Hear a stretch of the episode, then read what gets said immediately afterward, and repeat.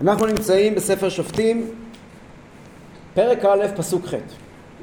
למדנו בשיעור הקודם על בני ישראל שמתחבטים אחרי מות יהושע מי יעלה לראשונה להילחם ועולה גורל יהודה, יהודה יעלה. זוכרים? יפה. ואז ראינו כבר איך שהם נלחמים עם אדוני בזק, נכון? זהו. עכשיו נעבור הלאה להמשך הכיבושים שלהם. פסוק ח' וילחמו בני יהודה בירושלים וילכדו אותה ויכוה לפי חרב ואת העיר שלחו באש. ואחר ירדו בני יהודה להילחם בכנעני יושב ההר והנגב והשפלה. וילך יהודה אל הכנעני היושב בחברון ושם חברון לפנים קריית ארבע ויכו את שישי ואת אחימן ואת תלמי. האמת היא שאת הסיפור הזה כבר למדנו בספר יהושע. כבר למדנו איך שבני יהודה ניגשים ליהושע ואומרים לו אנחנו רוצים לכבוש את החלק שלנו הוא אומר להם לכו תכבשו את ירושלים כבר למדנו שכלב בן יפונה, מה אתה מחפש? פרק א', פרק א'. אה, פרק א'? עמוד 12, בהתחלה. ואיך שיהושע אומר להם, לכלב בן יפונה מגיע ואומר, אני הייתי יחד עם המרגלים, ועבדי כלב עקב הייתה רוח אחרת עמו, קיבלתי ממשה רבינו את חברון, ויהושע אומר לכלב, לך תכבוש את חברון. בעצם הפסוקים האלה חוזרים ומספרים לנו את כל כיבושי יהודה, כולל אלו, אלו שכבר היו לפני מות יהושע. רק כדי לתת לנו תמונה כללית שלמה. כן. איזה עיר הם שטחו באש? ירושלים. אבל חשוב לדעת שאת ירושלים למעשה אנחנו רואים בספר שמואל, שספר הבא, אחרי שופטים, שהיא לא נכבשה. רק דוד המלך כבש את ירושלים. איך זה יכול להיות? שרפו אותה? מה אתה דואג? פעם אחת שרפו אותה. אז ההסבר הוא שאת רוב ירושלים כבשו. ירושלים אה, ובליבה חומה, כן? ירושלים חצויה הייתה לא רק לפני 67, אלא גם כל תקופת השופטים ירושלים הייתה חצויה. ירושלים נכבשה כולה מלבד המצודה. המצודה זה חלק מהעיר העליונה. שמה לקח זמן, רק בימי דוד המלך נכבש. אבל מלבד זאת, כל ירושלים, עכשיו אפשר להבין שתקופת די היבוסים שגרו שם לא החזיקו יחסי מלחמה עם ישראל במשך כל השנים האלה, אלא אם כן קרה משהו מיוחד, הם גרו שם ולא נתנו לאף אחד לגור שם, נקודה. ו- והם לא, הם, אני מניח שהיה בסוף מסחר בין, בין היהודים והיבוסים, לא, לא הייתה אפשרות אחרת. הם לא היו כלואים בתוך uh, גטו uh, כל כך הרבה שנים. אבל כאשר הייתה מלחמה הם עמדו על שלהם ולא נתנו להתקרב. רק דוד המלך הצליח לנצח את היבוסים. אוקיי. הסיפור הבא הוא כיבוש קריית ספר. קריית ספר זה לא קריית ספר של היום, מקום שנקרא דביר, כבר נדבר עליו, והוא חשוב מכיוון שפה אנחנו מתוודעים לזהותו של השופט הבא אחרי יהושע שהוא עתניאל בן כנז. בואו נראה. פסוק י"א וילך משם אל יושבי דביר, ושם דביר לפנים, קריית ספר. ויאמר כלב, אשר יכה את קריית ספר ולחדה, ונתתי לו את אכסה ביתי לאישה כלב, ולמעשה נשיא שבט יהודה. כן. והוא מי שיושב בחברון. דביר, קריית ספר, ככל הנראה היא עיר סמוכה לחברון. כן, בנחלת יהודה. וכלב רוצה לכבוש אותה. אז הוא מודיע ואומר, תקשיבו, יש לי בת קוראים לה אחסה. מי שיכבוש את קריית ספר, יקבל כלה את אחסה. נשמע לך מעניין, אה? כן. וילכדה עתניאל בן כנז, אחי חלב, הקטון ממנו, וייתן לו את אכסה ביתו לאישה. עתניאל בן כנז הוא אח של כלב, כבר נבין איך זה יכול להיות, אם כלב בן יפונה ועתניאל בן כנז, איך הם אחים? וכלב נותן לעתניאל את הבת שלו. ועתניאל מתחתן בעצם עם אחיינית שלו. ויהי בבואה ותסיתהו לשאול מאת אביה השדה ותצנח מעל החמור ויאמר לה כלב מלאך כבר נראה מה קורה פה. ותאמר לו אבל לברכה כי ארץ הנגב נתתני ונתת לי גולות מים. ויתן לה כלב את גולות עילית ואת גולות תחתית. מה קורה פה? אז הפסוקים האלה מופיעים גם בספר יהושע. זה עוד קרה בימי יהושע. מופיע בספר יהושע.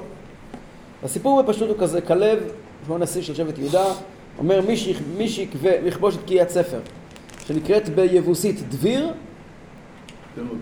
אגב, הגמרא אומרת שגם בפרסית ספר נקרא דביר.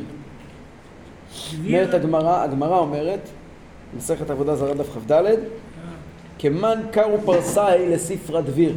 למה פרסים קוראים לספר דביר? אולי זה פרסים של זמן הגמרא. אין דביר, יש דביר וזה מורה. דביר זה מורה, נו, קיבלת. הספר סופר זה דביר. מקסים? הגמרא שואלת, למה הפרסים קוראים לספר, אגב, סופר זה מורה. כן, דברי סופרים. דברי סופרים זה דברי הרבנים. עזרא הסופר. סופר כותב ספר ומלמד סיפור, ספר, סופר וסיפור. אז אתה אומר שבפרסית של היום, דביר זה סופר, זה מורה. מקסים? שואלת הגמרא, מסכת עבודה זרה, למה הפרסים, הרי הפרסים שלטו בזמן הגמרא, מי, שכת, מי שהיה שלטון בבבל היו פרסים. הגמרא נכתבה תחת שלטון פרסי. מעניין שהדברים הגדולים בהיסטוריה של עם ישראל קרו תחת שלטון פרסי. גם הקמת אה, הכנסת הגדולה וגם כתיבת הגמרא, שניהם נעשו תחת שלטון פרסי. וגם ביבי שלנו תחת שלטון פרסי, כל היום מדבר על איראן. אז... אה, אז אה, הגמרא עונה שהמקור הוא מה, מה, מה, מהפסוק שלנו, ושם דביר לפנים, ושם קריאת ספר לפנים דביר, שדביר וקריאת ספר אלו מילים מקבילות. כך אומרת הגמרא, מפה הפרסים לקחו שדביר זה ספר. טוב, אז... מה עם הכנז וזה? אז הנה, ספר שנייה. אז הוא מגיע, אומר אתגר, מי שיכבוש את קריאת ספר, יקבל את אחסה לאישה. אחסה הייתה אישה מאוד מרשימה. חז"ל אומרים במסכת תמורה, ולמה נקרא שמה אחסה? אמר רבי יוחנן שכל הרואה אותה, כועס על אשתו. בגלל יופי שלה הוא מקנא. כן. עתניאל, שהיה אח חורג של כלב, הלך וכבש קריאת ספר. איך הם היו משפחה? אז הגמרא אומרת ככה: אבא של כלב, קראו לו יפונה, הוא נפטר. אימא של כלב הייתה אלמנה, והתחתנה עם כנז. נולד להם ילד משותף בשם עתניאל. כלב לא היה בן של כנז. אבל מכיוון שכנז גידל את כלב, גם כלב נקרא הכניזי. יש בכמה מקומות שכתוב כלב בן יפונה הכניזי. על שם כנז שהיה אביו חורגו. והוא היה ממש אבא של עתניאל. אגב, איפה זה היישוב עתניאל? אה? על יד חברון, יותר דרומה. עתניאל זה ליד, ליד, עתניאל נמצא בדרום הר חברון. על יד אה, מיתר, על יד אה, סוסיא, שם נמצא עתניאל. למה? כי מי כבש את האזור הזה? עתניאל. עתניאל. כן, זה האזור. עכשיו מדובר פה על מה שנקרא בימינו ספר המדבר. אם אנחנו מדברים דרומית לחברון, האזור של סוסיא זה ספר המדבר, זה לא רחוק מבאר שבע. האזורים האלה הם אזורים שגשם מגיע לשם, יש תקופות שיש שם גשם, זה כל הזמן המדבר הרי זז, הלוך ושוב, הלוך ושוב. זה מקומות שהם לא משופעים בגשם, אז בפשטות מבקשת, אה, אה, מקבל, אה, אגב, כלב עצמו היה נשוי למי? למרים הנביאה. ואחסה, אחות של משה? כן, כן. כתוב בגמרא מסכת סוטה. אחסה היא גם אחיינית של משה רבינו, אישה מאוד מאוד מאוד מיוחסת. היא בעצם בת של מרים הנביאה, מי? אחסה. אח של הבת. היא בת של מרים הנביאה, ואיתה מתחתן עתניאל בן קנז, לא פשוט. עכשיו, אה, אה, עתניאל מבקש, מקבל מחמיב את השטח שהוא כבש, לגור בו. וזה ארץ הנגב, אין שם מים. אז פה פתאום הנביא מספר לנו סיפור משפחתי, שלכאורה לא שייך לכולנו, כבר נבין את העניין. אבל כבר נבין למה, למה מספרים לנו את זה. אז אשתו, אוכסה, אומרת לכלב, תקשיב, אנחנו, לעתניאל, תבקש מאבא שלי, זה לא לעניין לקבל כזה שטח בלי אפשרויות מים. תן לנו את גבולות עילית ואת גבולות תחתית, כלומר תן לנו אה, אה, אה, מבועי מים, מעיינות. היא עושה הצגה שלמה, היא נופלת מעל הגמל, כשהיא רואה את אבא שלה מעל החמור ומשתחווה לו ומבקשת ממנו, הוא נותן להם, טוב, סיפור מוזר. כבר נבין מה, מה הסוד של הסיפור הזה. כדי להבין את העניין הזה בעומק, יש גמרא מסכת תמורה.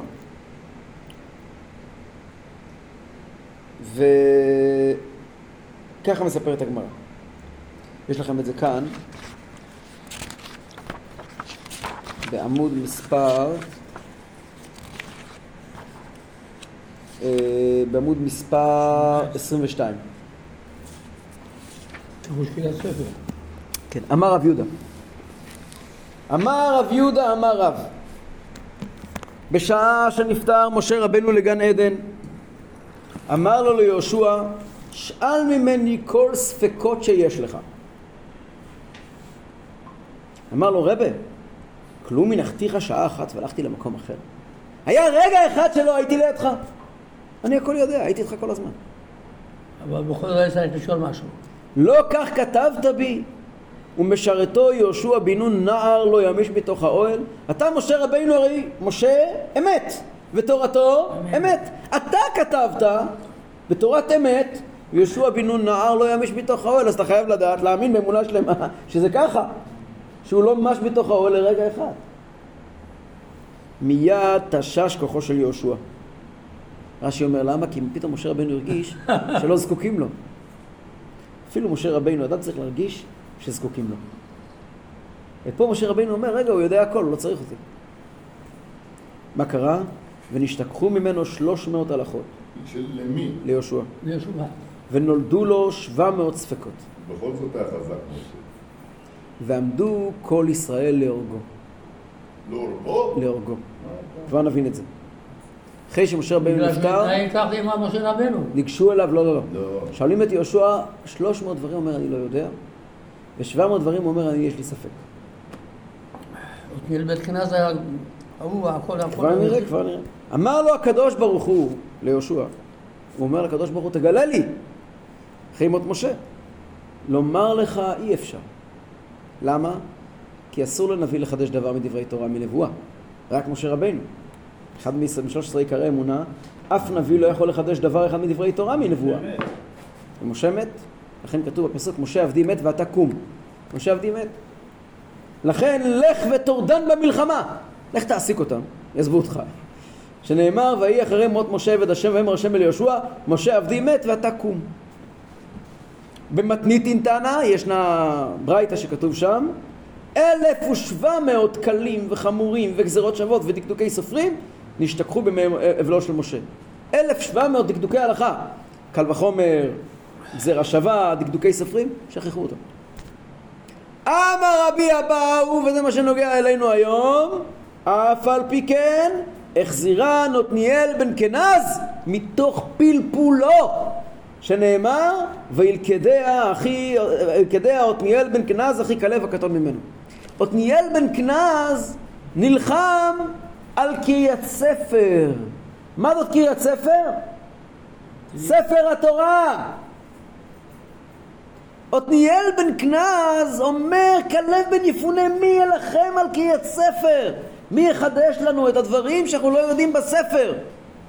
הכוונה אומרת הגמרא בתמורה, הכוונה היא לא ליישוב בדרום הר חברון, זה שטויות. הכוונה היא ל-700 הלכות, שנשת... 300 הלכות שהשתכחו, 700 ספקות, או 1,000 1,700 אה, אה, אה, קל וחומר וגזירה שווה ו- ודקדוקי סופרים, ועתניאל בן כנז באמצעות פלפול גילה את כולם בחזרה. בפלפול אפשר, בנבואה אי אפשר. זה היה הסיפור. זאת אומרת ככה, עתניאל בן כנז יצא עם כלי מלחמה, מלחמתה של תורה, והחזיר את ההלכות באמצעות כלים תלמודיים. וזה בעצם הסיפור של השופט הראשון. משה קיבל תורה מסיני ומסרה ליהושע. יהושע לא יכול גם לפלפל, הוא רק מעביר. רק מעביר. לא ימוש ספר התורה הזה מפיך. ויהושע לזקנים. פה זה כבר פאזה חדשה. מגיעים חכמים ובאמצעות פלפול יכולים לחדש דברים בתורה. מי הוא הזקן הראשון והחשוב מכולם? עתניאל בן. אה, זה הזקנים. וזה הסיפור. ממשיכה הגמרא ואומרת, עכשיו לא צריכים מנהיג שהוא ימשיך את הדרך, צריכים חדשן, פלפלן. זה הסיפור של עתניאל. ממשיכה הגמרא ואומרת, ויהי בבואה ותסיתהו לשאול מאת אבי השדה, ותצנח מעל החמור, מהי ותצנח? אמר רבא, אמר רב יצחק, אמרה לו, מה חמור זה? כיוון שאין לו מאכל באבוסו מיד צועק, החמור, אין לו באבוס אוכל, הוא מיד צועק. כך אישה, כיוון שאין לה תבואה בתוך ביתה, מיד צועקת. אישה אין לה בבית אוכל, מתחילה לצעוק. כבר נסביר את זה. זאת אומרת, מה היא אומרת? מה היא אומרת לבעלה? היא אומרת, אבא שלי הביא לי תלמיד חכם, שיושב וכובש לו ערים בממלכת התורה, קריית ספר, אבל בבית אין מה לאכול! זה מה שהיא אומרת. היא אומרת, ארץ הנגב נתתני, נתתני, אתה נתת לי ארץ מנוגבת מכל טובה, למה? עם הפלפולים שלו אפשר לעשות חידושי תורה, אבל צריכים לאכול ארוחת בוקר. גם צהריים. ותאמר תנה לי ברכה כי ארץ הנגב נתת, נתתני בית שמנוגב מכל טובה והיא ממשיכה ואומרת לו ונתת לי גולות מים אדם שאין בו אלא תורה בלבד. היא מגיעה ואומרת לאבא שלה נתת לי בן אדם שיש בו רק תורה. מה היא, תצנח מעל החמור חמור זה חומריות. היא מגיעה ואומרת יש בו גם חמור צריך לטפל גם בחמור. ויתן לה כלב את גולות עיליות ואת גולות תחתיות, אומרת הגמרא, אמר לה, מי שדר עליונים ותחתונים יבקש ממנו מזונות. הקדוש ברוך הוא שדר בעליונים ודר בתחתונים, הוא ידאג לכם. כי מי שאוחז בתורה, הקדוש ברוך הוא דואג לו גם בגשמיות, כמו שהרמב"ם כותב בסוף הלכות שמיטה ויובל. זאת אומרת, כתוב בספרים, ספרי חסידות, רבי לייבל אייבשיץ, ספר ערבי נחל, כותב ככה: יוצא לנו מפה שישנם שני דרכים לכבוש. יש כיבוש גשמי לכבוש את עתניאל, את, את קריית ספר, את דביר, שם ליד, אה, ליד אה, דרום, בדרום הר חברון, ליד סוסיא, ליד, אה, אמרת אייבשיץ? ליד חל, אחרי חלחול. בגשמיות, ויש. ברוחניות, נכון? ככה יוצא פה. איך זה מסתדר ביחד? אומר, אומר בעל יער ונחל, הפסוק אומר שם העיר דביר, אבל שמה לפנים קריית ספר. מה הכוונה? כל העולם כלול בתוך התורה, וכל מסכת בתורה מכוונת כנגד מקום ועניין אחר בעולם. להיות שהתורה מסורה לעם ישראל, הם עסקו בה בעיון גדול, הם היו כובשים את, את העולם בדרך ממילא. כמו שראינו שיהושע למד תורה לפני כיבוש העי. וזה הכוונה, שמה לפנים, החיות הפנימית של דביר לקריאת ספר. יהושע לא ידע את ההלכות האלה, לכן הוא לא יכול היה לכבוש בגשמיות על קריאת ספר. זה השבע מאות הלכות. בגלל שעתניאל בן כנז חידש את ההלכות האלה. לכן הוא יכול היה לכבוש קריאת ספר. זאת אומרת, על ידי לימוד תורה, כובשים גם מדינה, בגשמיות. כך אומר הר ונחל. אז הכיבוש הזה של עתניאל כובש את דביר, או, או, מבשר לנו על תקופה חדשה, אמן. התקופה החדשה בזמן, ב, ב, ב, בעם ישראל זה מנהיג חדש, זה לא משה רבינו, זה לא יהושע בן נון, אבל כעת אנחנו מכירים את המנהיג השלישי שלנו, עתניאל בן כנז. וככה אומרת, אומרים חז"ל. ולכדיה עתניאל בן כנז, זה שאמר הכתוב, וזרח השמש ובא השמש. שם בהמשך. כן. עוד עוד. הפוך דף. 24. כן. אמר רבי אבא בר כהנא, אין לנו יודעים שזרח השמש ובא השמש? כשהשמש זורחת, אחר כך היא באה. מה זה באה? שוקעת. אלא קודם שהשקיע הקדוש ברוך הוא שמשו של צדיק זה, הוא מזריח שמשו של צדיק זה. עוד לפני שהקדוש ברוך הוא מכבה שמש אחת, מתחילה לזרוח שמש שנייה. יום שמת רבי עקיבא, נולד רבי, וקראו עליו וזרח השמש. יום שמת רבי אבין, נולד רבי אבין ברי, בנו, וקראו עליו וזרח השמש. יום שמת רבי הושעיה אשתריה, נולד רבי הושעיה ברי, קראו עליו וזרח השמש בא השמש. עד שלא השקיע שמשו של עלי, זרחה שמשו של שמואל, שנאמר ונר אלוקים טרם יכבה ושמואל שוכב. אמר רבי יוחנן, כעדה עגל תתמימתא, כמו עגל תמים, עד שלא שקעה שמשה של שרה, זכה שמשה של רבקה. עד שלא שקעה שמשו של משה, זכה שמשו של יהושע. עד שלא שקעה שמשו של יהושע, זרחה שמשו של עתניאל בן כנז, שנאמר, ואלכדיה עתניאל בן כנז. טוב, עד כאן החלק היפה של ספר שופטים. ואיתו סיימנו את כל החלקים הנחמדים של ספר שופטים, ומכאן אפשר רק לרדת. רוצים לרדת? מוכנים לירידה? אז תרתמו. ובני קיני... אה? נכון, נכון, נכון, נכון. נכון, למה? למה? ladies first, למה? היא אמרה לאבא שלה, נכון, פרעה, בת שלוש היא הייתה. אתה יותר גרוע מפרעה היה אמרה. נכון, נכון. ובני קיני חותן משה, פסוק ט"ז, פסוק ט"ז. זין. ובני קיני חותן משה עלו מעירת מרים את בני יהודה מדבר יהודה אשר בנגב ערד וילך וישב את העם. כעת מדברים על צאצאי יתרו. קיני חותן משה זה יתרו יתרו מאיזה עם היה? אה, איזה עם? המדיינים. כן. גוי מדיין. המדיינים, ככל שעוסקים בפסוקים מגלים עליהם הרבה מאוד מידע מעניין. המדיינים היו מאוד מאוד מאוד דומים לבדואים של ימינו. אגב, הדרוזים טוענים שהם צאצאים של יתרו.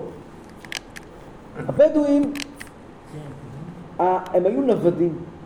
הרבה מאוד פעמים המדיינים מוזכרים ביחד עם העמלקים, שגם הם היו נוודים, וביחד עם בני קדם. בני קדם למעשה זה ערבים. קדם זה מזרח. מה נמצא מזרחית לארץ ישראל? ערב. כן. אז המדיינים באופי שלהם הם נוודים. גם בני קיני, חותן משה, כמה מקומות מתייחסים אליהם? אנחנו נפגוש אותם בעוד כמה פרקים שוב פעם, ואחר כך עוד פעם, כמה מקומות נפגוש אותם? הם נוודים, הם גרים באוהלים, הם לא גרים בבתים. יש פסוק, אוהלי אדום וישמעאלים, מואב והגרים, גבל ועמון ועמלק, נכון? אלו אוהלי, אלו גרים באוהלים, לא היום. בבתים. עד היום. עד היום, עד היום, עד היום. כן. אז בני קיני חותן משה, הם היו עם עם ישראל. קבוצה של בדואים, של מדיינים, היו חברים, לא רק חברים, קיימו על עצמם, התגיירו. הם לא השתנו, הם התגיירו. הם לא שייכים לאף שבט. איפה הם גרים? אז כתוב בפסוק, והיה הטוב ההוא אשר היטיב השם עמנו והיטבנו לך, משה רבינו אומר ליתרו, תקבל משהו בארץ. אבל בינתיים הם ישבו באזור יריחו, עיר התמרים. שם הם ישבו. הכניסה לארץ, אמר להם יהושע, בינתיים אתם תהיו פה. כעת אחרי שיהושע נפטר, חלק מהם על, עלו מעיר התמרים, עלו, עיר התמרים מלמטה. הם עולים למעלה לאן? את בני יהודה, מדבר יהודה, הם תמיד אוהבים מדבר. ועומדים לגור בנגב ערד. כן? אתם מבינים את הטיפוגרפיה, אתם מבינים מה אנחנו מדברים מבחינה, מבחינה של מפה, כן? ואנחנו נראה גם בהמשך שלקראת המלחמות, כל מיני, הם היו בעוד מקומות, יש ספר שלא ברור לגמרי מי כתב אותו, אתה הולך? אה. יש ספר שלא ברור לגמרי מי כתב אותו, ספר נורא מעניין, שהוא התגלה רק לאחרונה עבור רוב יהודי העולם, ספר שנקרא פירוש רבי אברהם בן שלמה התימני. מה זה? התימנים החזיקו אצלם פירוש לנביא בערבית, ערבית יהודית, והוא עבר אצלם הרבה דורות. אבל אצל התימנים אין, הכל עבר בכתב יד ואין לנו כל כך הרבה תולדות. לא כל כך יודעים מה היה אצל התימנים בהיסטוריה. גם הם לא יודעים. הם עברו מדור לדור ומדור לדור, הם לא יודעים בעצמם לספר מי הוא היה ובאיזה דור הוא חי. ואתה לא יכול לדעת גם דרך הכתיבה כי הם לא היה להם ספרים כל כך מכל העולם. היה להם את המסורות שלהם. מאוד מעניין, דווקא ספר מאוד מעניין. יכול להיות שהוא נכתב לפני 700 שנה, ויכול להיות שהוא נכתב לפני 300 שנה. לא יודע. אף אחד לא יודע. לא על הספר? זה לא הודפס. כתב יד אתה אומר. כתב יד, העתיקו בכתב יד. יצא לאחרונה לאור. ספר מאוד יפה, פירוש מאוד יפה על הנביא. בתימן מאוד החזיקו מזה. העולם לא ידעו מי זה בכלל. תימן זה הרי יהדות עם כלכלת אי. חיים לעצמם, לא ידעו כלום. וקיימו חיים מאוד מאוד מפוארים, כן? אז בספר הזה כתוב דבר מעניין, פעם ראיתי שם. מאוד מסתבר ומתקבל על הדעת. שוב, אני לא יודע מי הוא היה, אבל יודעים, יודעים, בספר הזה. בדרך כלל כשאני מצטט ספרים אני מאוד משתדל לדעת מי זה. לא כל ספר אפשר לצטט. אבל הוא כנראה יהודי קדוש. כנראה. ככל הנראה. לא יודעים עליו כלום. רבי אברהם בן שלמה התימני. טוב, אז הוא כותב, ראיתי באיזשהו מקום שהוא כותב, לא פה, בפרשה אחרת הוא כותב, שמשפחת בני קיני התחלקו לשלוש. מביא לזה ראיות. חלק הלכו פה לשבת עם העם במדבר ערד, כבר נדבר על זה. חז"ל אומרים לנו פה דווקא דרגה מאוד גבוהה. כבר נראה מה הסיפור שלהם. חלק הולכים ויושבים עם, עם, העמלקים. איפה רואים את זה? רואים את זה בשני מקומות. רואים את זה ב, ב, גם ב, בסיפור של שאול. כתוב ששאול, לפני שהוא נלחם בעמלקים, אז הוא אומר לבני, לבני קיני, תלכו משם, אנחנו רוצים להילחם עם העמלקים, נכון? ויש, ועוד חלק הלך לגור בצפון, באזור, אה, באזור מטולה, באזור קדש נפתלי. זה רואים יעל, יעל וסיסרא, היא גם הייתה מחבר הקני. אז הוא אומר שהם היו שלוש דרגות. היו בהם צדיקים, רשעים ובינונים. הצדיקים הלכו פה לשבת עם, אה, עם אה, עתניאל בן כנז. הרשעים הלכו לשבת עם עמלקי. כן. גם בהם לא פגעו, אבל הם הלכו לשבת עם, עם עמלקי. וה, וה, והבינונים הלכו לשבת על הגדר, לראות מי ינצח, מה זה, אה, אז זה הסיפור.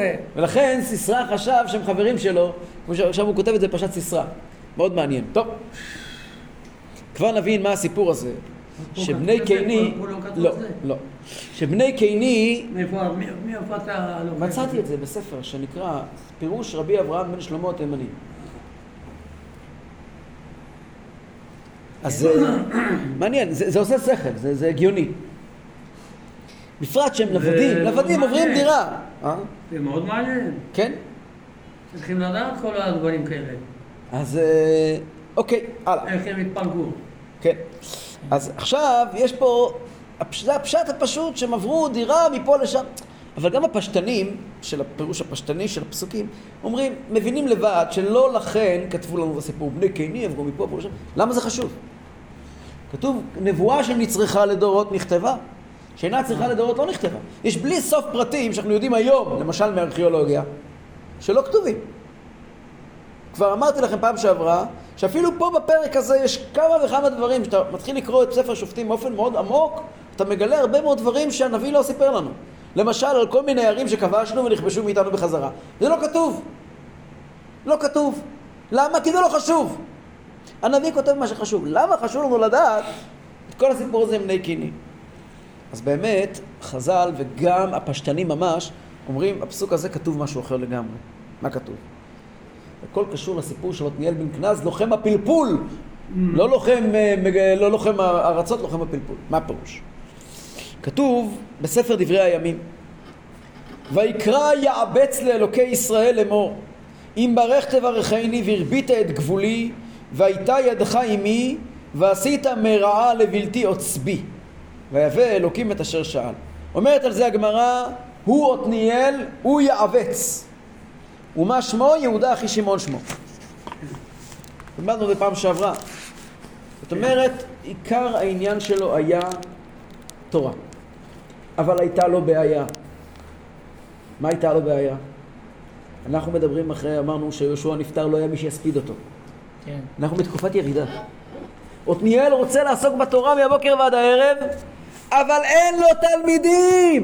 כולם הלכו לעסוק בגפנם ובתאנתם.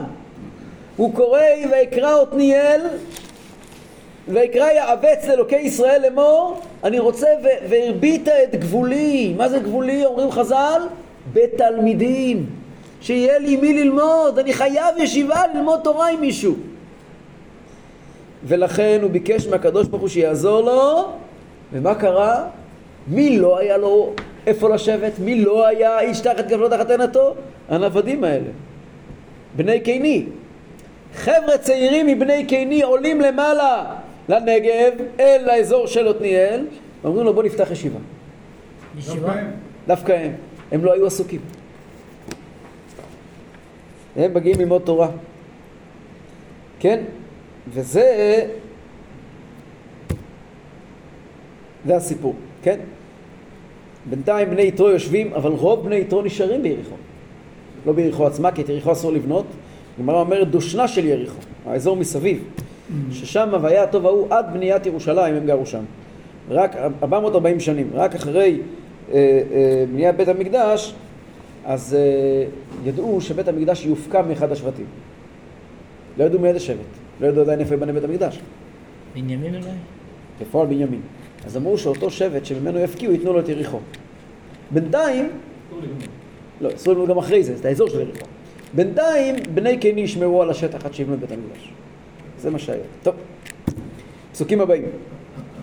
אמרתי לכם, מפה מתחיל להיות עצוב מאוד. פסוק י"ז: וילך יהודה את שמעון אחיו, ויכו את הכנעני יושב צפת, ויחרימו אותה, ויקרא את שם העיר חורמה. לא הכוונה לצפת אה, בצפון, אלא לצפת שנמצאת באזור חברון. פסוק י"ח: חטא, כן, בזכות. וילכוד יהודה את עזה ואת גבולה, ואת אשקלון ואת גבולה, ואת עקרון ואת גבולה. עזה, אשקלון ועקרון הם למעשה ערים פלישתים. אנחנו עדיין לא פגשנו את הפלישתים עד עכשיו, אבל עזה זה לא אזורים אה, מאוד מאוד נחמדים. ו... אבל פה כתוב שכבשו אותם. בהמשך נראה שעזה הייתה חתיכת צרה צרורה לעם ישראל מאז ועד היום. אז זאת אומרת שכבשו ונכבש בחזרה, אבל את זה הנביא לא מספר. י"ט. כן. שבט ישב שם באזור? יהודה.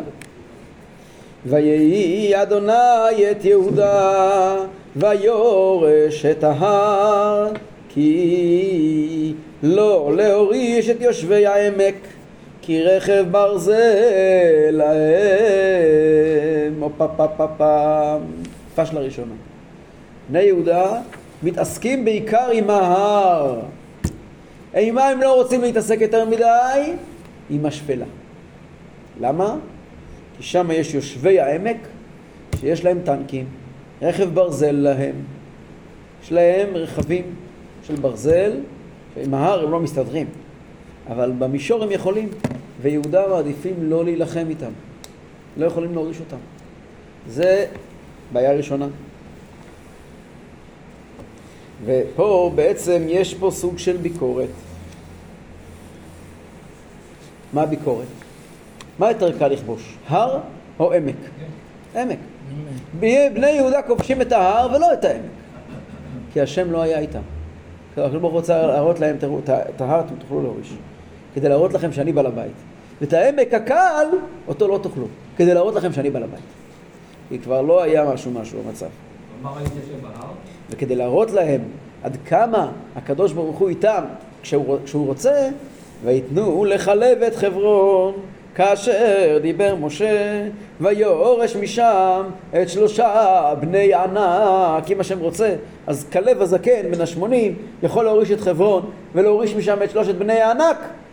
ואם השם לא רוצה גם את העמק הקל לכי לכיבוש אי אפשר לכבוש. ותא יבוסי יושב ירושלים. מפה מתחילים לראות איך הנבואה העגומה של משה רבינו, ואם לא תורישו את יושבי הארץ מפניכם, והיה אשר תותירו מהם לסיכים בעיניכם ולצנינים בצדיכם, וצררו אתכם על הארץ אשר אתם יושבים בה, והיה כאשר דימיתי לעשות להם, אעשה לכם, רחמנא ליצלן. בואו נראה פסוק כ"א. תא יבוסי יושב ירושלים, לא הורישו בני בנימין, וישב היבוסי את בני בנימין בירושלים. עד היום הזה, כותב הנביא שמואל, שכתב את ספר שופטים, עד ימיי. בנימין לא הצליחו להוריש את היבוסים בירושלים. קודם ראינו שכבשו את ירושלים, אבל את החלק של יהודה, גם בנימין יש להם חלק בירושלים, הם לא הורישו את היבוסי עד היום הזה. למה? למה לא הורישו? אז כתוב בפרקי דרב לזר, שאברהם רצה לקנות את מערת המכפלה מהיבוסים, שכם. אבל זה היה יחיתיים. הכוונה היא ל- ל- ל- לעיר יבוס לירושלים, הוא רצה, כן, הוא רצה לקנות את, אה, את אה, מערת המכפלה, אז הם אמרו לו, אנחנו מוכנים למכור לך את מערת המכפלה בתנאי שאתה לא תכבוש מאיתנו את ירושלים. התנאי? ככה כתוב. ואז הוא נשבע להם. מה הם עשו? הם לקחו צלמים של נחושת, כתבו אותו ברחוב העיר, שעם שבועת אברהם, שבני ישראל באו לכבוש את היבוסים, רואים את השבועה של אברהם אבינו, לא יכול לכבוש. רק אחרי זה כתוב שדוד המלך שלח את יואב להוריד את הצלמים האלה, את העיוור ואת הפיסח, הגנצה מייסה. גם רש"י מביא דבר דומה, הוא אומר שבני בנימין לא יכלו להוריש את- היבוסים בגלל השבועה, איזה שבועה, אז הוא מדבר על השבועה של אברהם ויצחק לאבימלך. שהוא אמר לו אם תשקור לי ולני ולנכדי ובני יבוס היו צאצאים של אבימלך. בני עתניאל, הנכד של אבימלך עוד היה חי. לכן השבועה הייתה בתוקפה. מדוד המלך השבועה כבר פגה כי כבר הנכד מת. פסוק כ"ב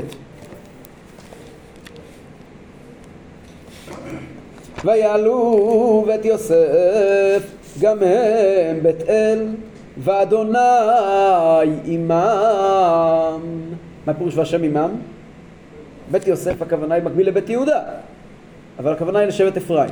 הם עולים לבית אל שזה בנחלת אפרים. והשם עמם, מה זה השם עמם? אז רש"י אומר בסוף ספר שופטים לך נלמד על, על פסל מיכה שהיה עם שבט אפרים. ועל זה נאמר לך השם הצדקה ולמוד בו שת הפנים. השם היה איתם למרות שהיה איתם גם את פסל מיכה ויתירו בית יוסף בבית אל ושם העיר לפנים לוז. בית יוסף הולכים ויתירו מלשון? שלח לך אנשים ויתורו את ארץ כנען. ויראת לא תקרא לפני כן לוז.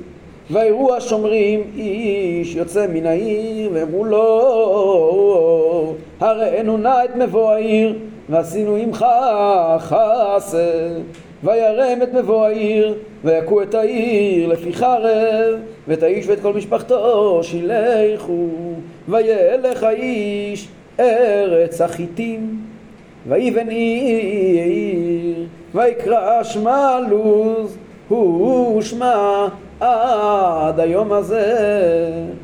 העיר הזאת אל הייתה סגורה מסוגרת מפני בני ישראל, אבל בית יוסף היה ברור שיש דרך להיכנס ולצאת מן העיר. איפה זה לוז? בית אל. בית אל. ירושלים, כן. ליד עיר, לא, צפונית ירושלים. שם היה היה מה? לא. בית לחם. בית לחם, לא בית לחם, בית לחם. בית לחם יהודה, בית אל זה של יוסף. בית אל זה אפרים. הם ידעו שוודאי שיש דרך להיכנס לעיר, רק שהם לא יודעים איפה. שלחו מרגלים, פתאום רואים מישהו מגיע משום מקום. אז מבינים שהוא תושב העיר בית אל. שהוא יצא מהפתח הסרדים ולא יודעים איפה הוא. אמרו לו, תקשיב, אתה תראה לנו איפה הכניסה לעיר, ואנחנו נשאיר אותך לחיות, המשפחה שלך. מסכים, אבל לא רוצה להגיד להם ברור איפה זה. אז הוא אומר להם, אני אלך, וכשאני אגיע למבוא העיר הסודית, אני אעשה תנועה. אתם תראו שהכוונה לשם, וככה באיזשהו מקום בשדות ליד העיר עמד עץ לוז. לוז זה סוג של אגוז. שהוא הסתיר פתח למערה שדרכה היה אפשר להיכנס לעיר. אז הוא עמד ליד הלוז, ומשם הוא נכנס. במה הראה להם? אומרים חז"ל, פאה קם להם או אצבע הראה להם. מה היה השכר שלו? הוא הלך לארץ החיטים, הכוונה היא מדינה של, של חיטים לא בארץ ישראל. יש אה, אולי הפיניקים, שהם כידוע היו, היו בעצם כנענים, ושם היה עיר בשם לוז שהיא מצליחה עד היום הזה, עד ימי שמואל הנביא, עמד שם עיר חדשה שנקראת לוז. מה זה עד היום הזה? אז חז"ל אומרים שלא הכוונה רק עד ימי שמואל הנביא, אלא עד היום הזה ממש. תניא היא לוז שצובעים תכלת, היא לוז שבא סנחריב ולא בלבלה, נבוכדנצר ולא החריבה. ואף מלאך המוות אין לו רשות לעבור בה, אלא זקנים שבה, בזמן שדעתם קצה עליהם, יוצאים חוץ לחומה והם מתים. והלא דברים קל וחומר. ומה הכנעני זה שלא דיבר בפיו ולא הלך ברגליו, רק עשה סימן. גרם הצלה לו ולזרעו עד סוף כל הדורות? מי שעושה לוויה ברגליו, מי שמלווה מישהו אחר ומראה לו ועוזר לו, על אחת כמה וכמה. תניא כבתי דרבי יוחנן, בשביל שכנעני זה הראה באצבעו, גרם הצלה לו ולזרעו עד סוף הדורות. במדרש בראשית רבה מופיע הקטע הזה עם הפטרה, עם סיומת. רבי ינאי בשם רבי ישמעאל עבד להפטרה. מה זה? שלא הלך לא בידיו ולא ברגליו, אלא על להם בלבד באצבע. ניצל מן הפורענות, ישראל שעושים חסד עם גדוליהם בידיהם ורגליהם, על אחת כמה וכמה. ונסיים את פרק א' בפסוקים הבאים. ולא הוריש מנשה את בית שאן ואת בנותיה ואת ענך ואת בנותיה ואת יושבי דור ואת בנותיה ואת יושבי יבלעם ואת בנותיה ואת יושבי מגידו ואת בנותיה ויואל הכנעני לשבת בארץ הזאת מנשה לא עושה את המשימה שלו בעמק יזרעאל השאיר חלקים שלמים לא כבושים. ויהי כי חזק ישראל, וישם את הכנעני למס, והוריש לא רישו, העדיפו להחזיק אותם, להוציא מהם מיסים, ולא לא, לא גירשו אותם. מה הכוונה בנותיה? הערים הקטנות ערים שליד. הקטנות, בנותיה, בנותיה. עיר ואם בישראל, יש כזה ביטוי. כל עיר גדולה היא, אימא, יש לה ערים קטנות ליד שמקבלים ממנה פרנסה, אה, כן. מה שנקרא פריפריה. ואפרים לא הוריש את הכנעני היושב בגזר, וישב הכנעני בקרבו בגזר, זבולון, אתה הולך? זבולון לא הוריש את יושבי כתרון ואת יושבי נהלול וישב הכנעני בקרבו ויהיו למס שהוא יחזור קודם. אשר לא הוריש את יושבי עכו ואת יושבי צידון ואת אחלב ואת אכזיב ואת חלבה ואת אפיק ואת רחוב. זה בצפון וישב האשרי בקרב הכנעני יושבי הארץ כי לא הורישו נפתלי לא הוריש את יושבי בית שמש ואת יושבי בית ענת. לא הכוונה לבית שמש שלנו, בית שמש בגליל, באצבע הגליל. נפתלי לא הוריש את יושבי בית שמש ואת יושבי בית ענת. וישב בקרב הכנעני יושבי הארץ ויושבי בית שמש ובית ענת היו להם למס כל החבורה הזאת כאילו אמרו אנחנו לא נגרש אותם. ככה הם יכולים לתת לנו מיסים הם יכולים לסבול מהם צרות צרורות. וילחצו האמורי את בני דן נהרה כי לא נתנו לרדת לעמק. בעיה. דן אמורים לשבת איפה? בגוש דן, כן. פה למטה אה, במרכז. אבל פה זה כבר לא היה פשוט. האמורי דוחקים את בני דן לכיוון ההר. לא מאפשרים לו להתפשט לכאן. ולכן לבני דן אין להם ברירה, והם גרים בעצם צמוד בתוך חלק של יהודה, באזור בית שמש. ויהיו אל האמורי לשבת בהר חרס, באיילון ובשעלבים, ותכבד יד בית יוסף, ויהיו למס. זאת אומרת, כבר אי אפשר. והאמורים בעצם מתיישבים פה בכל האזור, פה לא היה מה לעשות, לא באזור חולון, אבל יותר בשעלבים, באיילון, כן, כל השטח של שדה תעופה, זה מקומות מאוד מאוד פוריים, שם האמורי יושב. דחפו את בני גד, את בני דן, להר. וגבול האמורי ממעלה עקרבים, מהסלע ומעלה, ממעלה עקרבים שליד, שבדרום, כל השפלה היא אמורי. בהמשך נראה, כבר האמורי לא רואים שם, מחליפים אותם הפלישתים. אומר אברבנאל, כל זה הקדמה להראות לנו את הנפילה של בני ישראל, שאנחנו נראה בפרק הבא את התוכחה שהם מקבלים בעקבות אה, חוסר הכיבוש הזה.